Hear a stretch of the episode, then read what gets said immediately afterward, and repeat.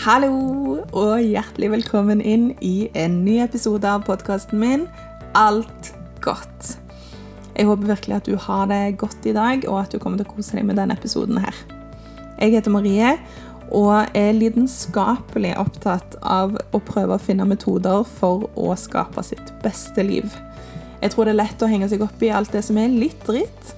Og så i denne podkasten her så snakker vi om alt det gode i livet de, alle de gode vanene man kan lage, de gode rutinene, de gode samtalene, de gode ideene, drømmene og den gode inspirasjonen man kan hente der ute.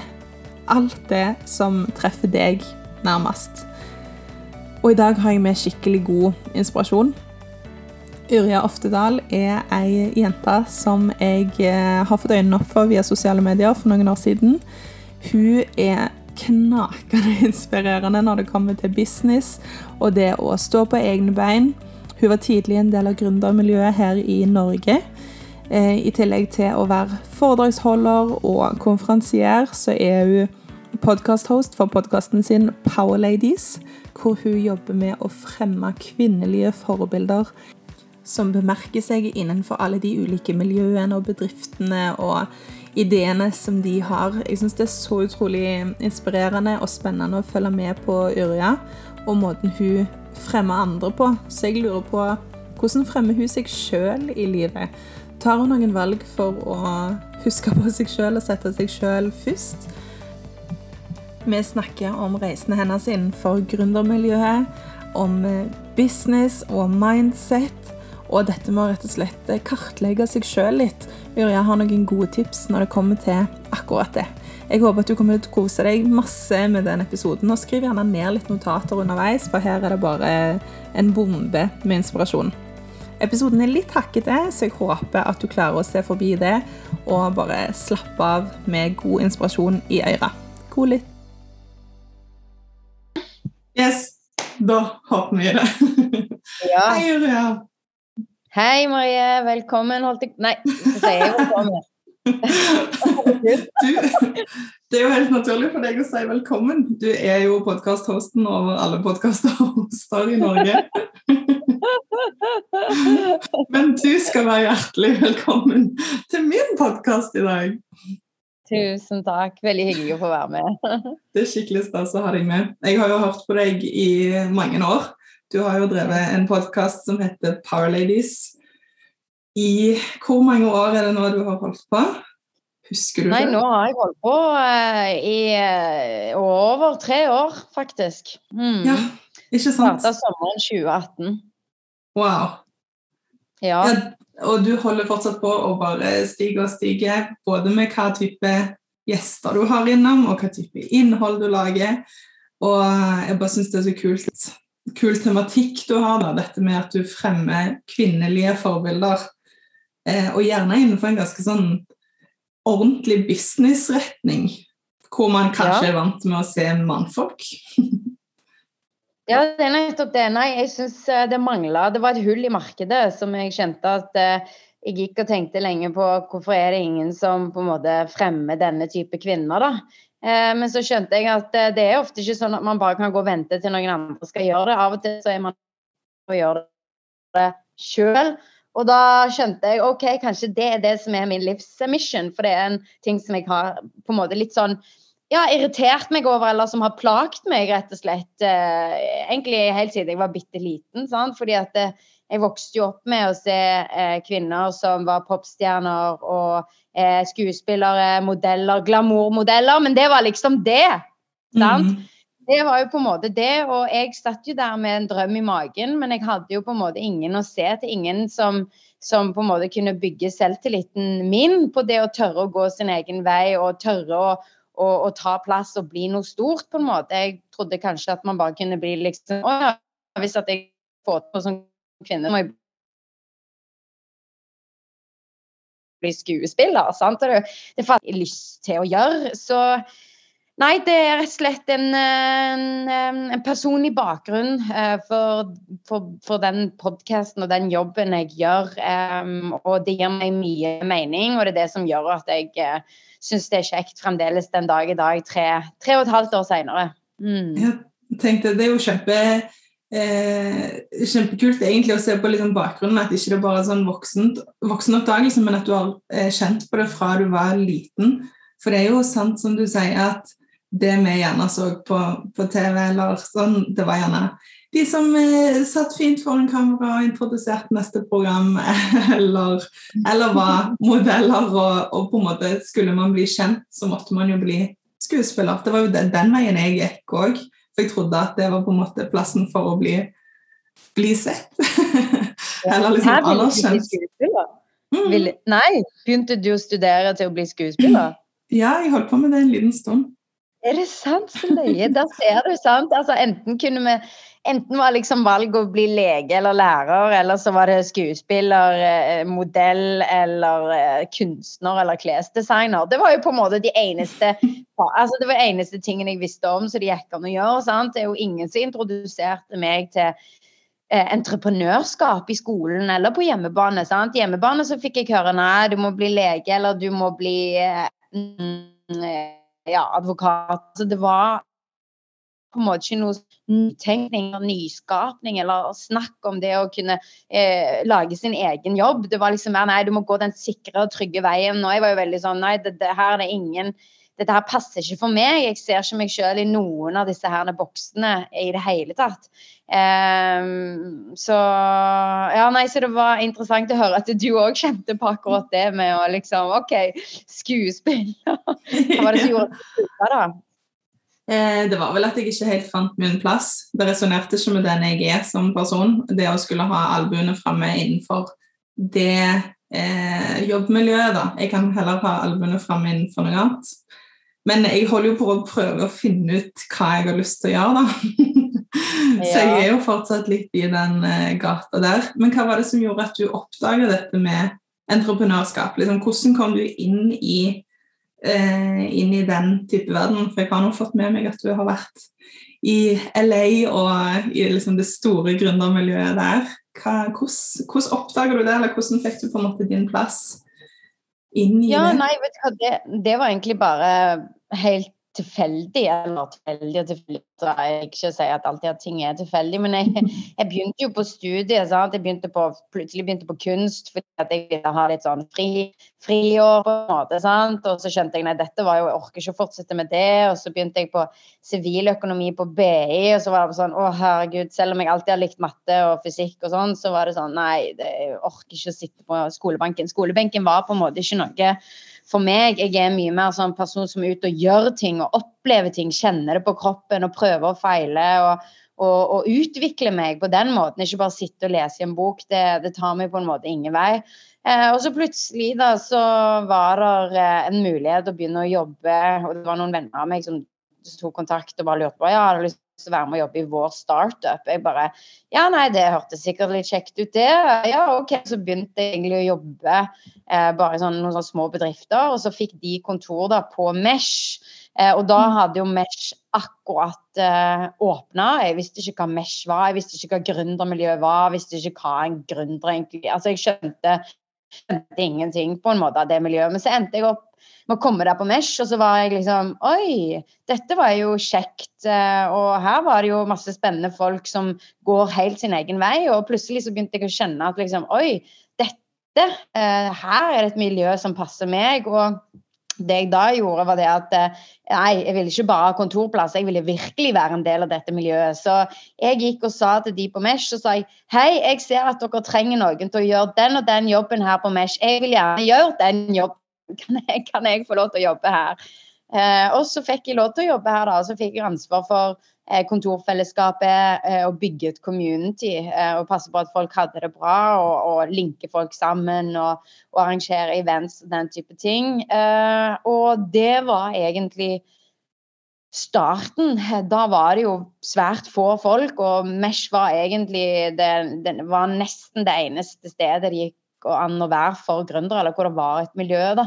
Eh, og det var stort sett bare menn, eh, nesten ingen damer, og så var det meg, liksom. Um, så, så, sånn helt tilfeldig på en måte endte jeg inn der, og så spurte jeg om jobb, og så fikk jeg være der og blomstre og fikk et uh, større og større nettverk. Men jeg skjønte jo til slutt at på en måte, ok, hvor er alle kvinnene, og hvor er folk som tør å virkelig tenke stort? Hvor er disse menneskene som vil ta over verden? For selv om det var gründere her i Norge, så var det fremdeles veldig ja, litt sånn jantelov. på en måte, Skulle ikke tenke stort og nei, skal ikke ta over verden. Nei, vi skal bare holde på med den lille businessen her i Oslo, på en måte.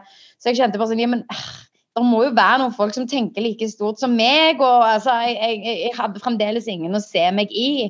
Eh, og så hadde jeg hørt noen rykter om eh, San Francisco, da, og så en dag så bare tenkte jeg OK, nå må jeg bare Ja ja, livet Jeg må bare si opp denne jobben og stikke bort dit. Og så stakk jeg bort til Silicon Valley, da. Og så, ja eh, Det var jo bare på, av ren nysgjerrighet og en ren ønske om å på en måte finne min plass i denne verden. Og så kom jeg bort, og bare med en gang jeg kom, kom ut av det flyet, så følte jeg meg nesten hjemme. Det er bare en sånn helt mm. spesiell energi der borte. Og alle du møter på, er bare helt sånn fantastiske folk som bare vil deg vel, og som på en måte tror på deg og ser deg og spør hvordan kan jeg hjelpe deg? Jeg bare Hæ, hvorfor spør du meg om det? Og så forteller jeg liksom jeg, hvor jeg kommer fra, hva jeg ønsker å få til, at jeg har lyst til å få til noe. Og de bare Ja, selvfølgelig kan du få til det! Og plutselig så var jeg på en måte tett på rollemodeller, da, kvinner og menn, som tenkte veldig veldig stort, men som ikke bare det at de gikk og på en måte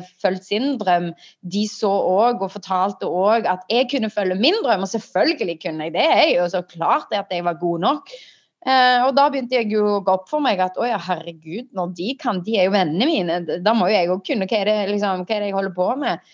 Eh, og det var på en måte et sånt vendepunkt for meg som bidro til å på en måte sette puslespillbrikkene på plass når det kom til selvtillit. ikke sant? At eh, mm. Jeg skjønte at OK, jeg kan, eh, og jeg skjønte at eh, hvis at jeg har lyst til å få til noe, så er jeg bare nødt for å gjøre det sjøl.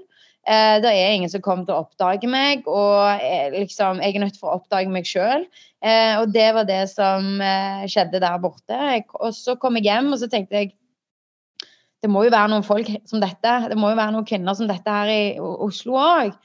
Og så begynte jeg å bruke sosiale medier, og plutselig så hadde jeg fått meg et uh, stort nettverk av kvinner som på en måte ja, uh, har turt å satse. da. Og det miljøet har jo bare vokst og vokst av kvinner som uh, ja, dukker opp nå, som, som, går sin egen vei og, og eier sitt eget felt eller nisje eller, ja, eller pionerer innenfor sin bransje. Så det har vært utrolig kult å se at det på en måte har vokst sånn frem når det jeg følte meg så alene for bare mm. noen år tilbake igjen siden. ikke ja. sant? Så, så, nei, det var egentlig ren uh, Ren Nei, ikke ren tilfeldighet. Altså, det var jo fordi at jeg kjente jeg var lei av skolen og alt det der, og at jeg var på snusing etter nye ting. Og da noen tok meg inn i miljøet, så, så kjente jeg at her hører jeg til, og så ble jeg bare mm. Så kult. Og så, ja, og så skjønte jeg at jeg må bygge sine drømmer. Jeg må bygge min egen. Og da til slutt så mm. turte jeg jeg fant disse kvinnene her da, i Norge òg, som på en måte ja, det er noe med det å ha en heiagjeng og ha mennesker rundt seg som inspirerer deg, og som ser deg og tror på deg. Det betyr, For meg har det betydd alt. Ja, ja, absolutt. Og jeg syns det er interessant det du sier med liksom både at det fins og fantes allerede da et gründermiljø, og, ja. eh, og dette liksom altså Alle disse damene som har sin, sin nisje, da, at det likevel ja. er et community. Og dette med at du var med å starte opp det litt. da. For inntrykket mitt er vel gjerne litt av at folk som starter opp ting for seg sjøl, gjør det litt for seg sjøl. At man har lyst til å skape sin beste hverdag og ha, og ha liksom de rutinene og den bedriften eller hva det innebærer, da, som gjør at en sjøl har det bra. Eh, men at man kan gjøre det parallelt med noen andre som gjør det samme innenfor et eller annet annet, syns jeg er så, så, interessant. For man er vant med å ha kolleger på en arbeidsplass hvor alle jobber mot det samme målet, på en måte. Men at det òg yeah. fins det for gründere, eller for eh, folk som jobber selvstendig, da. Eh, mm. Men det virker jo som at det ikke var så mye av det når du begynte sånn i starten, men at det har vokst Mm, det har vokst skikkelig. Så det har vært eh, det har vært helt fantastisk å se. og Det gjør at jeg nå føler meg veldig hjemme her i Oslo. og Det gjør at jeg eh, får eh, mot og inspirasjon til å fortsette å stå på hver dag. ikke sant? For hvis man har se til, så, så, så, jeg vet ikke, Det er liksom så mye lettere å på en måte holde seg selv accountable òg. Okay, ja, men når hun fortsetter å stå på liksom, Jeg kan jo ikke være noe dårligere, jeg. på en måte, ikke sant? Så Du har jo på en måte noe å måle deg etter òg hele tiden. Mm. Ja, blir du inspirert av disse damene som du intervjuer? Ja, selvfølgelig. De inspirerer meg jo. Det er jo det som gjør at jeg eh, sjøl fortsetter å tro på det jeg eh, gjør, og fortsetter å gå min egen vei. Altså, det er noe som bidrar til å motivere og se andre lykkes og se andre eh, stå på eh, til tross for motgang og følge sin visjon. Det er ekstremt eh, motiverende og inspirerende, i hvert fall for, eh, for meg, altså. Mm. Mm, så kult. Men du som er så god på å fremme kvinnelige forbilder, og på en måte fortelle deres historier gjennom din podkast og i dine sosiale medier, hvordan, eh, hvordan fremmer du deg sjøl? I hverdagen. Husker du det? ja, nei, jeg prøver jo å være på sosiale medier, men jeg syns egentlig ikke det er så kjekt på Instagram. Men jeg prøver liksom å poste litt her og der. Jeg kunne vært enda bedre. Um, men på LinkedIn så har jeg liksom sånn no shame, på en måte. Da er det bare jeg spyr ut ting, på en måte. Uh, men ja, det er jo ikke akkurat like lett å løfte seg sjøl. Uh, jeg føler at du må virkelig elske sosiale medier for å klare å løfte deg sjøl frem eh, best mulig i dag. Eh, det gjør egentlig ikke jeg, men eh, jeg prøver nå. Jeg poster nå litt her og der, og det er jo viktig for meg å gjøre det i min jobb. og så handler det jo om at den viktigste jeg gjør, er jo å løfte meg sjøl. Liksom, jeg trenger ikke løfte meg sjøl for andre. Det viktigste jeg gjør, er jo å løfte meg sjøl. For hvis jeg ikke løfter meg sjøl, så så kommer jeg jo ingen vei, på en måte. Så det handler jo om i bunn og grunn å ta vare på, ta vare på meg sjøl, gjøre alt det som eh, jeg trenger for å ha det bra i hverdagen. Eh, få nok søvn, trene, eh, prioritere venner. Altså gjøre ting. Sette grenser, eh, oppfylle mine behov, altså kartlegge meg sjøl. Det har jeg jo brukt mm. tid på for mange, mange, mange år siden, som var veldig bra at jeg gjorde. Eh, for det har jo at det blir lett for meg å, å ta vare på meg sjøl, for jeg vet hva jeg trenger for å ha det bra. Eh, men samtidig så kommer det jo perioder hvor jeg ja, mangler motivasjon, f.eks. Og da er det veldig lett å på en måte bare ende opp med sånn åh, ja, men bare, dette, bare det skjer, så eh, faller alt på plass eh, på alt det andre òg. Da får jeg motivasjonen tilbake igjen. Og så er det egentlig bare sånn Ørja, nå har du satt dette lenge nok, og jeg ser at det kommer til å ta veldig lang tid før det skjer. Så da må du rett og slett eh, hente tilbake motivasjonen for det du, som skjer faktisk her og nå. Eh, og da, så Det er liksom veldig viktig å bare hele tiden følge med på hvor er tankene, hva er det man tenker, hva er det man føler. hva er det man, ja, fordi man har jo selv et ansvar for egne tanker og følelser, og mm. alt kan på en måte styres. Så man må bare rett og slett være bevisst og kjenne seg sjøl, og så er det lett å løfte seg sjøl òg eh, ut ifra det.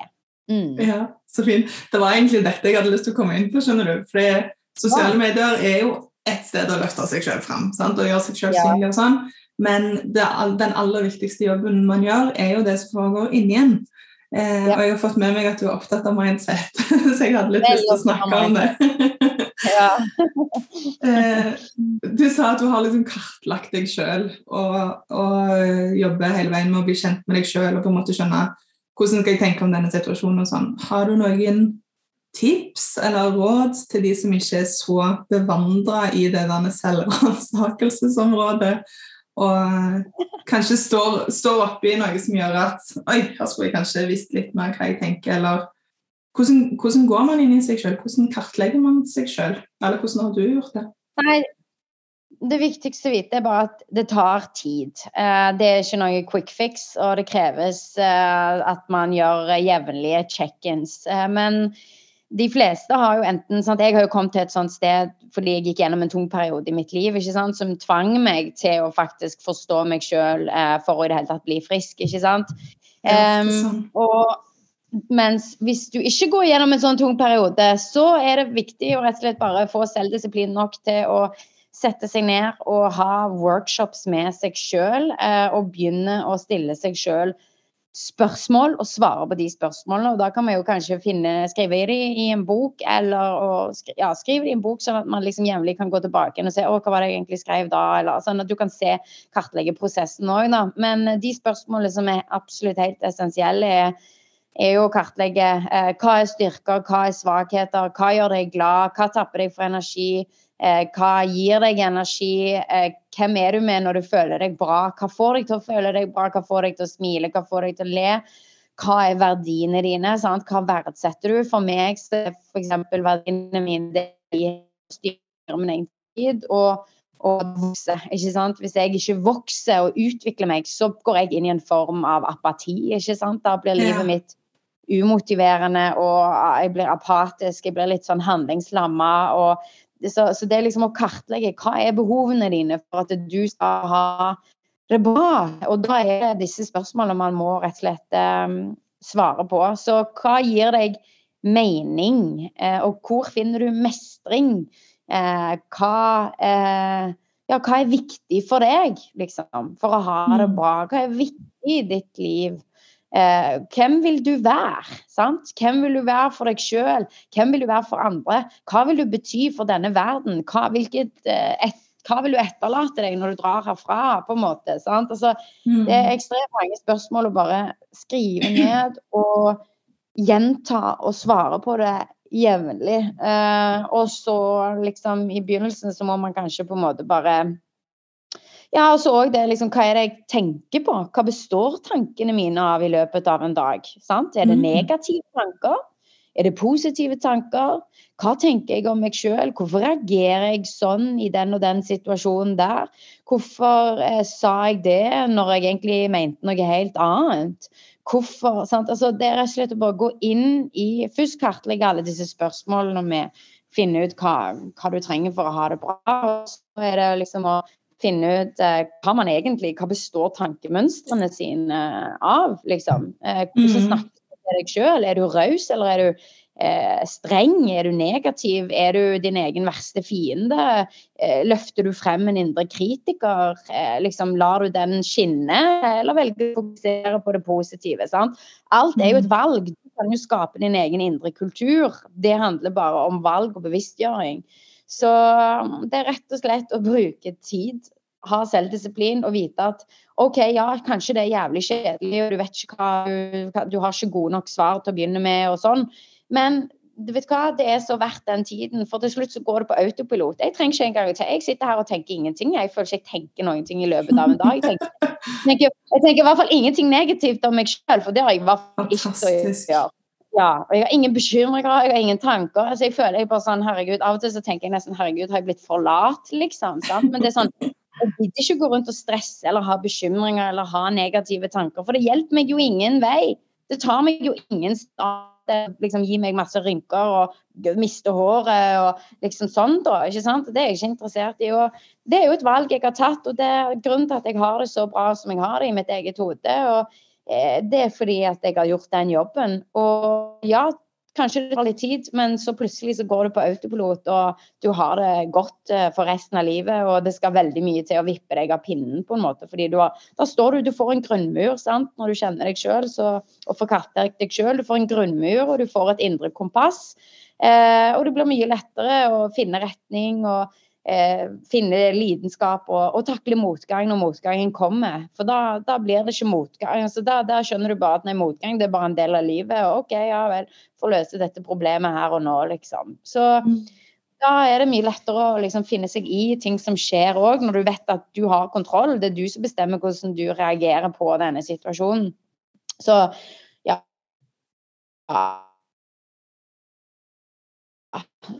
Så det krever litt eh, jobb å svare på spørsmål, rett og slett. Mm. Ja, ha litt uh, date med seg sjøl, rett og slett. Ja, sette av egen tid, ha date med seg sjøl. Og hvis man er f.eks. en ekstrovert type, så kan jo det være vanskelig hvis du bare mm. elsker å være rundt andre, på en måte. sant? Men da går det jo an å snakke med andre om dette. sant? Mm. Eh, hva ser du mine styrker? Hva ser du mine svakheter? Har du lagt merke til hva som gjør meg glad? Sant? Altså, du kan jo diskutere det med andre. Um, hvis man ikke er på en måte fan av å sitte i sitt eget selskap. på en måte. Jeg elsker jo å være alene, jeg liker det litt for godt. på en måte, Sikkert derfor jeg ikke har så, så, men hvis man er en ekstrovert og elsker å være sosial, så vil jeg anbefale å, å snakke med andre om det. Og mm. det går jo òg an å få en coach sant? Eh, ja. som kan bidra. Eh, mm. Det handler vel veldig mye om liksom, bevisstgjøring at tankene våre har noe å si, da. Og at de ja. ikke trenger å være det de er. For jeg tror veldig ofte at det går litt sånn på autopilot, at man har de tankene man er vant med å ha, og så blir man i større eller mindre grad påvirka av de tankene. da. Og anerkjenne at de er sånn de er, og det er den jeg er, på en måte uten å gjerne gå i kamp mot dem. For Jeg har i hvert fall mm. opplevd det at jeg har måttet gå litt i kamp mot eget tankemønster. For jeg er en ganske nevrotisk type. Jeg har masse bekymringer, jeg overtenker. Eh, så når du sier sånn Nei, jeg har ingen bekymringer, jeg er ikke redd for noe, så sånn Hæ? Går det an? Men for meg, kommer det ganske, ja, for meg kommer det ganske naturlig. Men jeg merker jo at hver gang jeg på en måte anerkjenner det, ser at det skjer, går inn Hvorfor skjer dette? Hva er det jeg tenker? Hva er verste utfall? Eh, og på en måte kartlegger litt det mønsteret, så er det jo mye lettere neste gang jeg møter samme type bekymring eller, eller overtenkingsmønster. Eh, og òg ja. med alle de positive tingene. At, at, det er lett Eller jeg syns iallfall kanskje tidligere at det var litt lett å, å, grave seg ned i alt det negative. Og, og, på en måte bare være litt sånn glad og fornøyd hvis det kom noe positivt. Men å heller jobbe mot å ha et positivt tankesett både om seg sjøl og der man er. og jeg har jo så lyst til liksom både sjøl skape mitt beste liv, men òg inspirere andre til å, til å, gjøre det. Da. Og det kan man ikke man bare sitte og, og være redd og bekymre seg. nei, da fordi liksom sånn Hvordan kan du da spre liksom Ja, nei, du må Men det viktigste er jo egentlig bare å vite at alt du tenker Det du tenker du tenker så betyr det ikke at det er sant. sant? Mm. Og det betyr ikke at du eh, må gi det oppmerksomhet. sant? Eh, du var jo inne, for, inne, på det, men det handler jo om å omfavne alle tankene som kommer. sant? Starte der. Hvis du tenker noe eh, negativt, ja vel, OK, men det betyr ikke at du trenger å høre på det. Det betyr ikke at det kan bare La den bare tanken bare fordufte forbi heller. Og på en måte med en gang du mm. begynner å liksom hører et eller annet, så prøv å fokusere på noe annet og tenke ja vel, der var den tanken igjen, ja vel, liksom. Og så ikke gi det noe oppmerksomhet. Sant? Og mm. heller liksom det letteste stedet òg begynne å liksom Hva er du takknemlig for? Sant? Og så praktisere ja. takknemlighet. Det er jo en, måte, en fin måte å, å, snu det på. Sant? Altså, hva, hva, er du takknemlig for akkurat nå? Jo, du er takknemlig for at uh, du har blitt bedre i dag. Du har jo vært syk nå en stund. Mm. Du er takknemlig for at det passet for meg å gjøre det på Zoom, dette her, og at du fikk en ny podkast-episode. At du eh, altså, at du kan ha en samtale med meg. at du, altså, du, det er alltid masse å være takknemlig for i øyeblikket. Sant? Det er det, eh, det er hele veien. Mm. Jeg har tenkt på det både når du og andre podkaster Jeg har jo så masse podkast.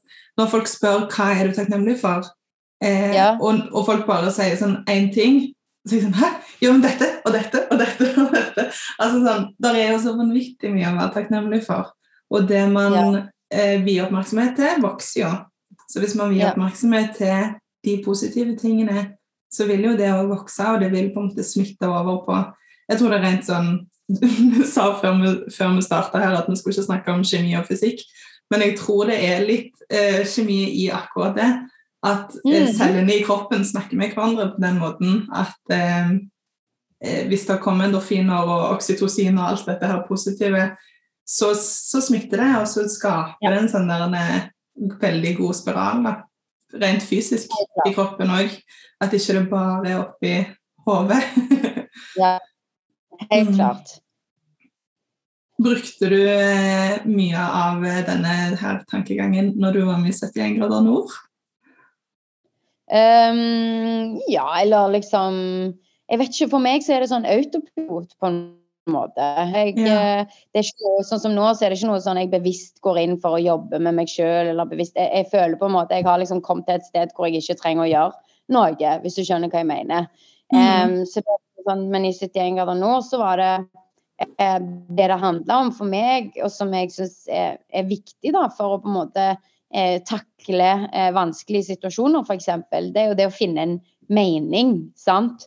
Eh, hvorfor gjorde jeg 71 grader nord? Hvorfor eh, liksom gå, gikk jeg der med liksom fem kilo på ryggen i pøsende regn, opp og ned fjell 15 timer til dagen?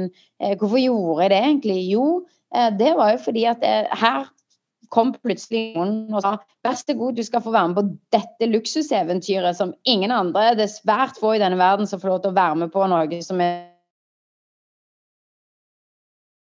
så liksom Ja, som er så unikt, da. Og da tenkte jeg bare sånn OK, eh, når jeg først får vinne en gullbillett på en måte til å oppleve noe helt crazy og gå ut av komfortsonen min, som jeg kanskje aldri vil få muligheten til igjen, så må jeg jo være med på hele driten uansett hvor tungt det er, fordi det er jo en opplevelse. og og, og, liksom, selv om det er mye liksom, å, slit og tungt, så er det jo ekstremt mye positivt òg, ikke sant. Så for å holde ut da når du er så liksom sliten, og det er mennesker rundt deg som skaper stress og, og press. Eh, liksom. Folk du ikke har valgt sjøl å gå på tur med? Ja, jeg å gå tur med folk som vil ha deg ut. Og jeg grudde meg jo så vanvittig til disse. Jeg trodde jo seriøst Jeg trodde jeg trodde faktisk helt oppriktig at jeg var verdens dårligste i utslagskonkurranser. Jeg, jeg trodde at jeg var verdens dårligste i utslag... Ja, du var jo programmets beste i utslagskonkurranser. Ja, ja, det, det, det, er tilbake igjen til sånn limit beliefs. sant? Altså at du begrenser tro. At jeg hadde faktisk en tro om meg sjøl at jeg var verdens dårligste. Jeg trodde at jeg var verdens dårligste. Jeg var jo der at i første duell så tenkte jeg vet du hva, jeg taper uansett. Jeg gidder ikke gjøre denne duellen. Jeg bare melder meg ut av dette programmet. Og så tenkte jeg bare sånn Ja, det er jo faen flauere å stå og si at du ikke tør. Du trekker deg fordi du faen ikke tør å feile i en utslagskonkurranse på TV og overfor deg sjøl. Ja, nei, fy faen, det er jo i hvert fall flaut. Så eneste grunn til at jeg gjorde den duellen, var liksom fordi at nei, det var i hvert fall flaut å trekke meg bare fordi at jeg ikke turte å tape, liksom. Herregud. Ja. Så jeg tenkte ja vel, jeg får bare gå der og tape. Men samtidig innvendig så følte jeg jo òg at liksom sånn Faen, jeg kan ryke ut nå. Jeg skal jo være med på dette, så det var jo en sånn indre greie at liksom bare sånn Herregud, det kan ikke stemme at jeg skal ryke ut nå, liksom. og sånn. Eh, men så klarte jeg jo den duellen, og jeg fikk jo helt sjokk. Jeg fikk seriøst helt sjokk. Jeg, fikk så sjokk. jeg vet ikke om du så det, men jeg vet jo ikke hive på TV-en. Jeg, jeg, jeg satt klistra i den sesongen der. Ja, ja, ikke sant? Jeg bevist at jeg, jeg, var ikke verdens dårligste. Jeg var faktisk ganske god, liksom. Jeg klarte det på syv minutter, og jeg syns det var jævlig bra tid. Og liksom, nei, jeg var skikkelig fornøyd. Og så kom det jo bare flere sånne dueller, og da tenkte jeg OK, den andre duellen den skal jeg faen i hvert fall vinne, liksom. Og så den tredje duellen, den var jo veldig sånn da var det jo med Jakob som hadde prøvd å hive meg ut. Da ble jeg plutselig stressa. Sant? Det er sånn jævlig mm. flaut hvis jeg tapte med, med, Jakob. Så det var den eneste gangen jeg på en måte kjente at OK, nå ble jeg stressa. Og da, når jeg blir sånn stressa, så prøver jeg jo hele tiden å bare tenke på liksom ja. Eh, nei, hva gjorde jeg da? Nei, da, da må du Klarte du å omforme energien? Ja, jeg, eh, det, men det var litt vanskeligere akkurat da når det var liksom Jakob. For da ble det plutselig sånn Det hadde vært så flaut. Da, da, liksom. ja, og da skjedde det jo mye at jeg på en måte liksom ble ufokusert ikke sant? og begynte å tenke ja vel, hva skal jeg spise når jeg kommer hjem? Og jeg bare sånn ja, hva faen, nå må, du, nå, må du, nå må du, ta deg sammen. Du, nå taper du med vilje mot Jakob fordi du begynner å tenke på hva du skal spise når du kommer hjem. Herregud. Nei altså det handler jo om helt bevisst av egne tanker. At når du liksom, hvis ting sklir ut, da, sånn som det på en måte gjorde litt med Jakob f.eks., når det blir så mye press på lever leveranse på en måte fra andre kanter, sant. Mm. Ja, eh, det er jo mye, det. Ja, for da skjønte jeg da da ville det være litt flaut for meg sjøl om jeg tapte mot han, liksom. Det syns jeg faktisk hadde vært litt flaut. Nei, så da når jeg kjenner på sånn, så er det rett og slett bare fullstendig prøve å ta liksom, oversikt. OK, nå tenker du disse tankene, men prøv å heller liksom fokusere og gjennomføre, og prøv å være til stede her og nå og på en måte bare nesten bare le litt av de tankene som kommer, på en måte. sant? Du må nesten mm. bare le av de. For det er bare sånn Nå prøver du å ødelegge for meg. Det skal du faen ikke få til, liksom. Det, mm. ja vel, du skal være der, men liksom, ha-ha, på en måte. Ikke, ikke la det dominere. Nei. Mm. Man kan jo være ekstremt selvsaboterende, egentlig, hvis man blir Ja. dratt med på en måte i den fossen, da. Ja, ja, det, det er sånn vel om der eh, virvelvind du plutselig kan komme, komme inn i hvis du ikke klarer å liksom hvis, hente deg ut. Så, så det er derfor det er på en måte viktig å liksom hele tiden følge med. altså Ta en sånn derne objektiv rolle liksom overfor seg sjøl. Jeg på en måte er jo veldig sånn Jeg er jo der jeg føler at liksom jeg kjenner på ok, hvilket kroppsspråk er det jeg har, ikke sant, og liksom nå viste jeg det til hun, så hun det, liksom, at jeg ble helt brydd nå. altså sant, at jeg er veldig sånn Mm. denne ja, jeg, jeg, på en måte det du sier Jeg er veldig sånn jeg ser meg sjøl, både kroppsspråk og tankene, hele tiden utenifra. Uh, og det er liksom min måte å gjøre det på, egentlig. At jeg på en måte tar, ikke, tar meg ikke sjøl så høytidelig, og så er det lettere å holde meg i uh, sjakk ved å på en måte se meg sjøl utenifra, på en måte. Hvis du skjønner. Mhm. Jo, Som At ikke- til- at ikke det liksom Oi, nå forsvant du. Hallo? Nei, jeg er her ennå. Det? Det, det siste du sa, forsvant. Ja. Eh, men ja, at det ikke er liksom, det indre barnet som ser seg. For det kan jo ofte Ja. bli litt sånn eh, vondt. Men at det er voksne Uri eller voksne Marie som utenfra observerer og analyserer, og at ikke det er lille Marie, for det er det ofte hos meg, da, som sitter og vurderer hvorfor gjør du det, hva skal du nå, eh, burde ikke du gjøre dette, på en måte. Eh, Å ja. Mm. Hvordan litt opplever du det, liksom? Eller hva, tenk, hva tenker du da, på en måte? Så når det er liksom, sånn som du sier det, lille Marie, liksom, hva, hva er, det, er det den som på en måte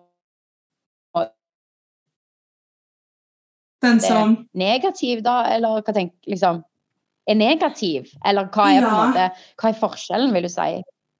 Eh, altså, barnet i meg er nok den nevrotiske delen, tror jeg. Som prøver Ja. å få et overblikk over alt og prøver å forstå absolutt alt eh, pga. en del greier som jeg sto i når jeg var liten, som jeg kanskje ikke fikk helt svar på, og som jeg prøvde å finne ut av, og som jeg kanskje fortsatt ikke helt har landa. Ikke sant? Så den delen av meg kommer så veldig fort fram hvis noe blir usikkert eller utrygt. Og stakkar kjæresten min har fått eh, kjenne på det. sånn. For da kommer Mm. det der bekreftelsesbehovet på en måte eh, så tydelig fram hvis det er noe som, som går litt på akkord med hun lille, da. Mens meg, Ja. store Marie, er ganske, egentlig ganske tøff. Eh, så hvis jeg på en måte klarer da å gå inn i eh, voksen observatør istedenfor Så jeg tror jeg skal ta med meg det Ja. tipset. Ja, det, ja, og så er det òg bare det at man kan ikke forstå alt. Eh, mennesker gjør så mye rare ting, og det, det er veldig mange ting kan bare ikke forklares. Og ofte så klarer ikke folk å forstå hvorfor de gjør det sjøl, så da er det jo veldig vanskelig å forstå for andre. ikke sant? Så en eh, viktig del ting som jeg i hvert fall har lært meg, eller har lært meg i voksen alder, det er jo rett og slett eh, tilgi. Eh, tilgi Mm. uten å forstå. Tilgi uten å liksom Sant? Eh, tenk at eh, Bare rett og slett bare tenk at eh, ja, man må sette seg ting fra de andre sitt eh, perspektiv, og folk gjør stort sett så godt de kan i livet.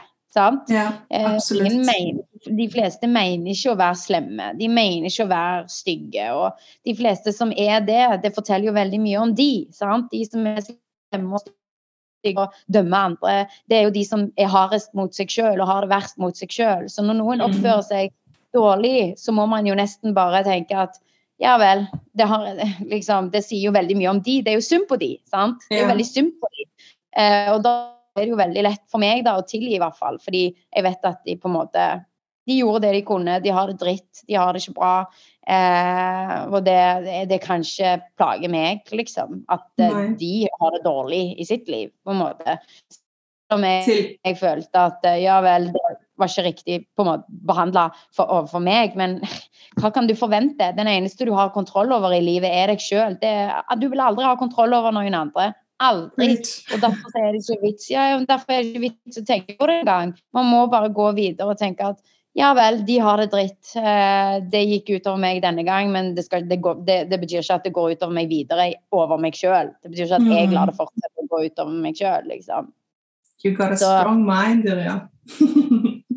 ja, det, det, så, så jeg òg har jo opplevd veldig mye rare ting. Eh, og det var jo ja, det, det, det, er liksom sånn De større ubehagelige tingene i livet, det, det tok jo litt grann tid og på en måte, liksom. Men når jeg først forsto det med å Ja vel, liksom, så, så var det lettere. Men jeg har alltid syntes det har vært veldig enkelt å bare tilgi liksom, småting, på en måte. At hvis noen sier noe stygt eller liksom gjør noen sånn rare småting eller gjør sånn og sånn, så har jeg på en måte ikke liksom, tenkt noe mer på det. Jeg har aldri vært en person som har tatt meg nær av ting personlig. Jeg har alltid tenkt at ting har, det har ikke med meg å gjøre. Selv om det kanskje, mm. kanskje av har hatt med meg å gjøre, who knows. Eh, men jeg tenker som regel at når folk er stygge, og, og så har det ikke med meg å gjøre. Hvis noen har noen problemer med meg, så må de jo komme til meg og si fra. Da Da må de si å, ja, sånn og sånn og sånn. Men det er jo som regel ikke det som skjer. Så jeg tenker at ok, intet folk kommer og sier direkte hva, liksom, hva, er det, hva det er, så har jo ikke dette noe med meg å gjøre, på en måte. Um, så, så, det, det men litt sånn, ja, men litt sånn større ting som har plaga meg over mange år i oppveksten og sånn, det tok jo litt lengre tid før jeg skjønte at ja vel, alt handler bare om meg, liksom. Hvorfor skal jeg la dette liksom påvirke meg nå? Det er jo bare jeg. Jeg er min egen herre de har holdt på sånn som de har holdt på, og de gjorde det beste de kunne. Og det var ikke godt nok etter min mening, men det var godt mhm. nok etter de Og man må bare respektere andre for det de får til. Folk går rundt og sliter og prøver å navigere i egen hverdag. Det er så mange som har det vondt med seg sjøl. Og da tenker jeg, da bruker jeg heller tiden på å si liksom uff, stakkar de, og så går jeg tilbake igjen til mitt eget liv. Så mm. fint.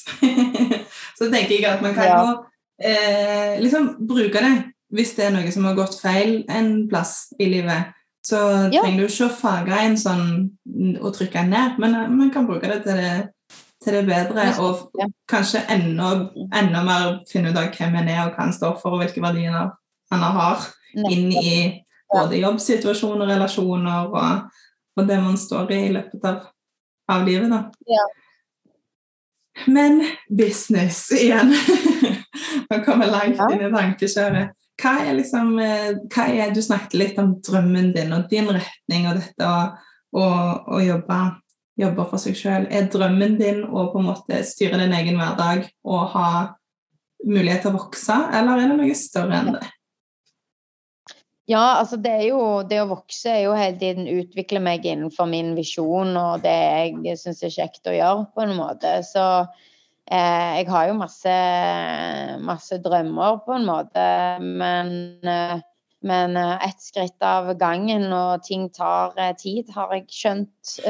Så For det, hvis jeg ikke utvikler meg, så begynner jeg å kjede meg. ikke sant? Nå har jeg jo holdt på med podkasten i tre og et halvt år. Ja, jeg syns det er kjekt, men nå har jeg gjort det samme. Jeg må gjøre noe videre mer. sant? Det betyr ikke at jeg skal mm. slutte med podkasten, men jeg må på en måte utvikle meg. Så jeg har en del planer, eller jeg har en del ting som holder på å rulle i bakgrunnen i Nå er det eh, over et halvt år, men eh, det er en bransje som tar lang tid. Og jeg må bare smøre meg med tålmodighet og tenke at ting skjer når det, når det skjer. Eh, men én ting er i hvert fall sikkert, og det er det at jeg alltid kommer til å utvikle meg og ta den videre til nye nivåer og, og, og den type ting. Og så får man se hva hva det resulterer i, og hva det blir. Men mm. uh, visjonen er jo i hvert fall å, å, på en måte bygge selvtillit og få gi folk, spesielt kvinner, da, tro på seg sjøl. Det å tørre å følge sine drømmer eller ta gode valg for seg sjøl. Eller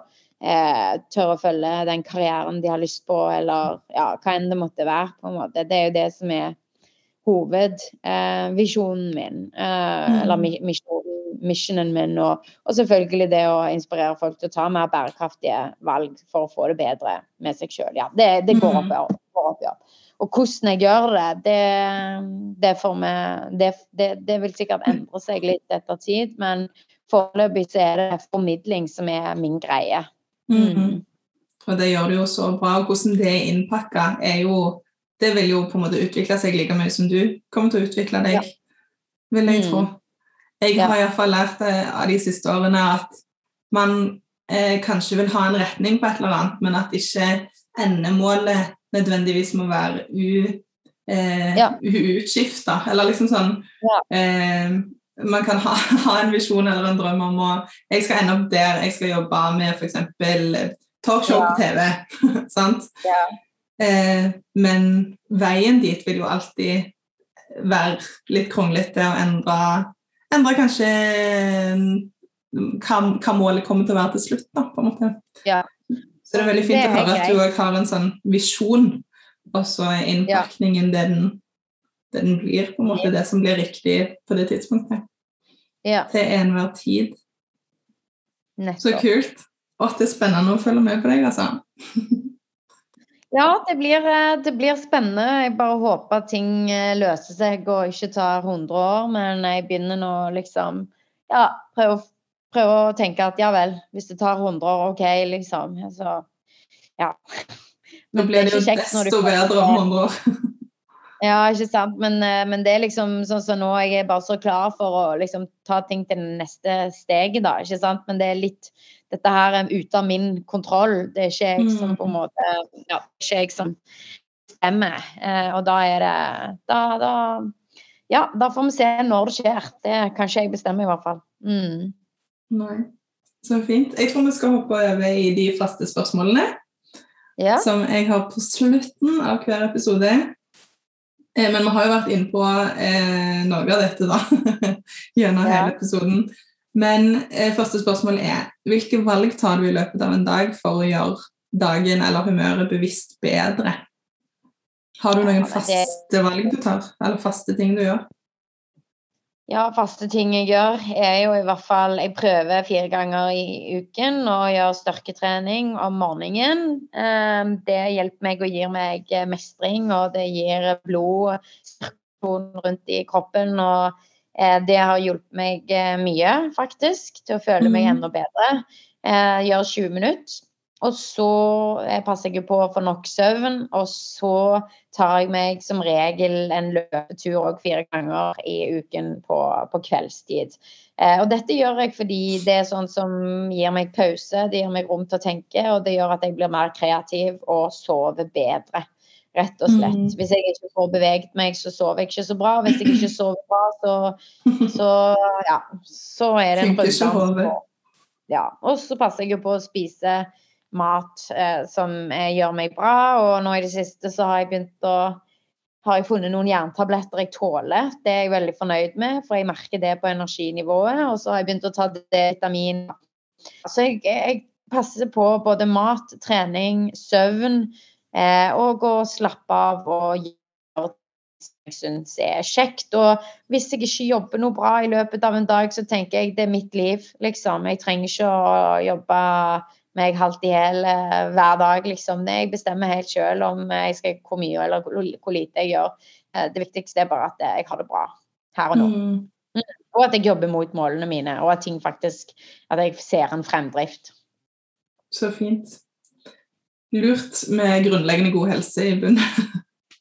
Ja, jeg har ikke det, så, ja, så klarer jeg ingenting. Før så tenkte jeg at helse var min viktige, viktigste prioritet, men eh, frihet og vekst er viktig for at jeg skal ha god helse òg. Fordi jo, Mm. hvis du trives og vokser, og du har òg frihet til å styre din egen tid, så er det lettere å legge rutiner for, å, ja, for at eh, helsen skal bli god òg, da. Mm. Oh, det drømmer jeg om. Alt, Ja. alt det der. Ja, ikke sant? Det kommer. Eh, Det kommer, og jeg er godt på vei. Kjempegodt på vei. Veldig bra. Mm.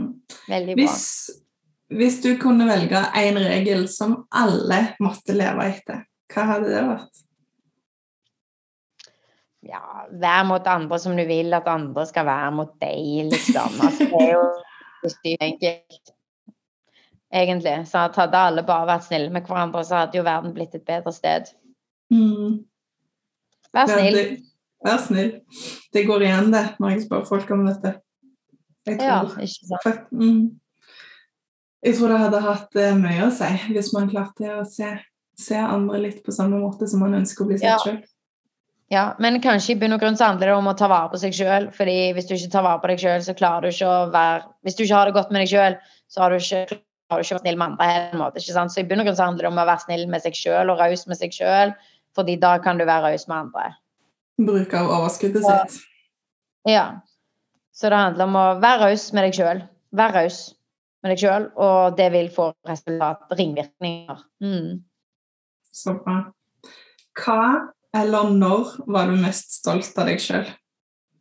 Hva er du mest stolt over med deg sjøl, eller når var du det?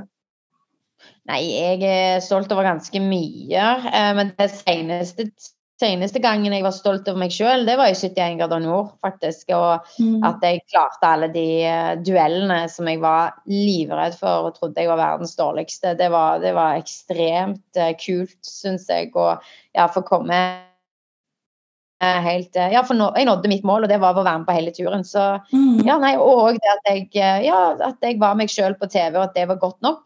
Det er jeg veldig stolt over. Jeg trodde jo at jeg skulle komme fram og bare Å, hun kjedelige driten der, liksom.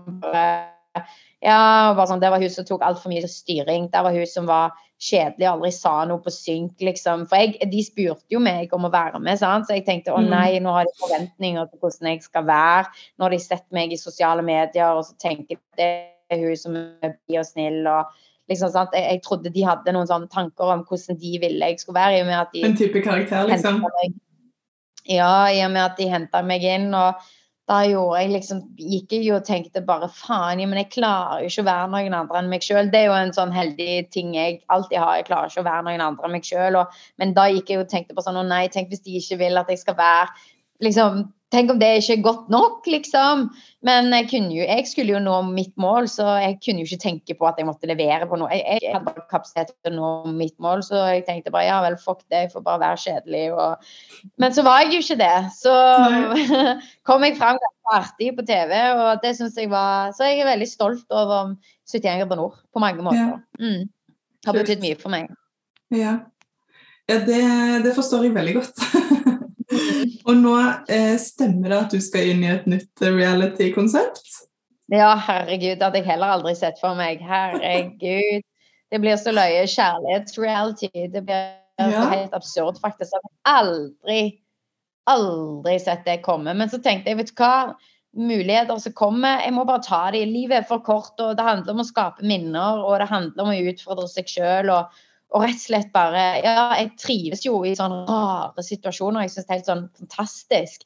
Så jeg tenkte Mm. ja vel, bare, dette, er jo, dette er jo en opplevelse som ikke kan kjøpes, ikke sant. Så den må jeg bare takke ja til. Mm. Så kult. Det ble jo vanvittig spennende. Ja, det blir så løye.